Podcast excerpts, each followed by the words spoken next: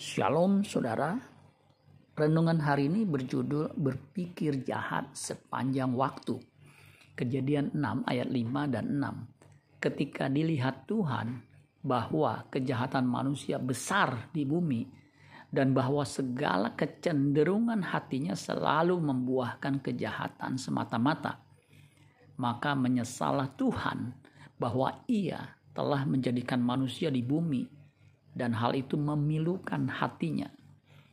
Terjemahan versi mudah dibaca, kejadian 6 ayat 5 dan 6 dikatakan Tuhan melihat bahwa orang di atas bumi sangat jahat. Ia melihat bahwa mereka hanya berpikir tentang yang jahat sepanjang waktu.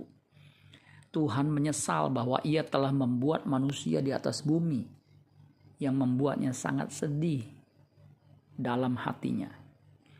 Sejak Adam dan Hawa jatuh dalam dosa, seluruh keturunannya mempunyai kecenderungan berpikir dan berbuat jahat atau yang biasa disebut berkodrat dosa.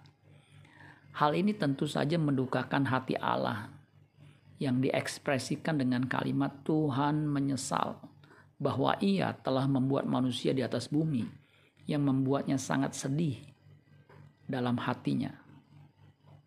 Kecenderungan hati yang ingin melakukan yang jahat atau kodrat dosa, jika dibiarkan akan terus bertambah jahat. Wahyu 22 ayat 11, barang siapa berbuat jahat, biarlah ia terus berbuat jahat.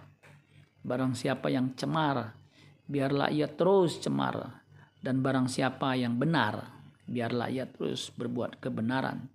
Barang siapa yang kudus, biarlah ia terus menguduskan dirinya. Keselamatan di dalam Kristus bukan hanya supaya kita bisa hidup kekal di sorga, tapi juga diubahkan kodratnya dari berkodrat dosa menjadi berkodrat ilahi. 2 Petrus 1 ayat 3 sampai 4. Untuk itu kita harus berkolaborasi, bekerja bersama-sama dengan Allah karena Allah akan turut bekerja jika kita mau merespons anugerah keselamatan itu.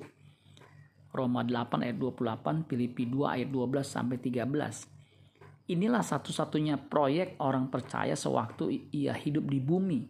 Sehingga ketika kita menghadap Tuhan, ia berkata, inilah anakku yang kukasih kepadanya aku berkenan. Masuk dan turutlah dalam kebahagiaanku. Amin buat firman Tuhan. Tuhan Yesus memberkati. Sola Gracia.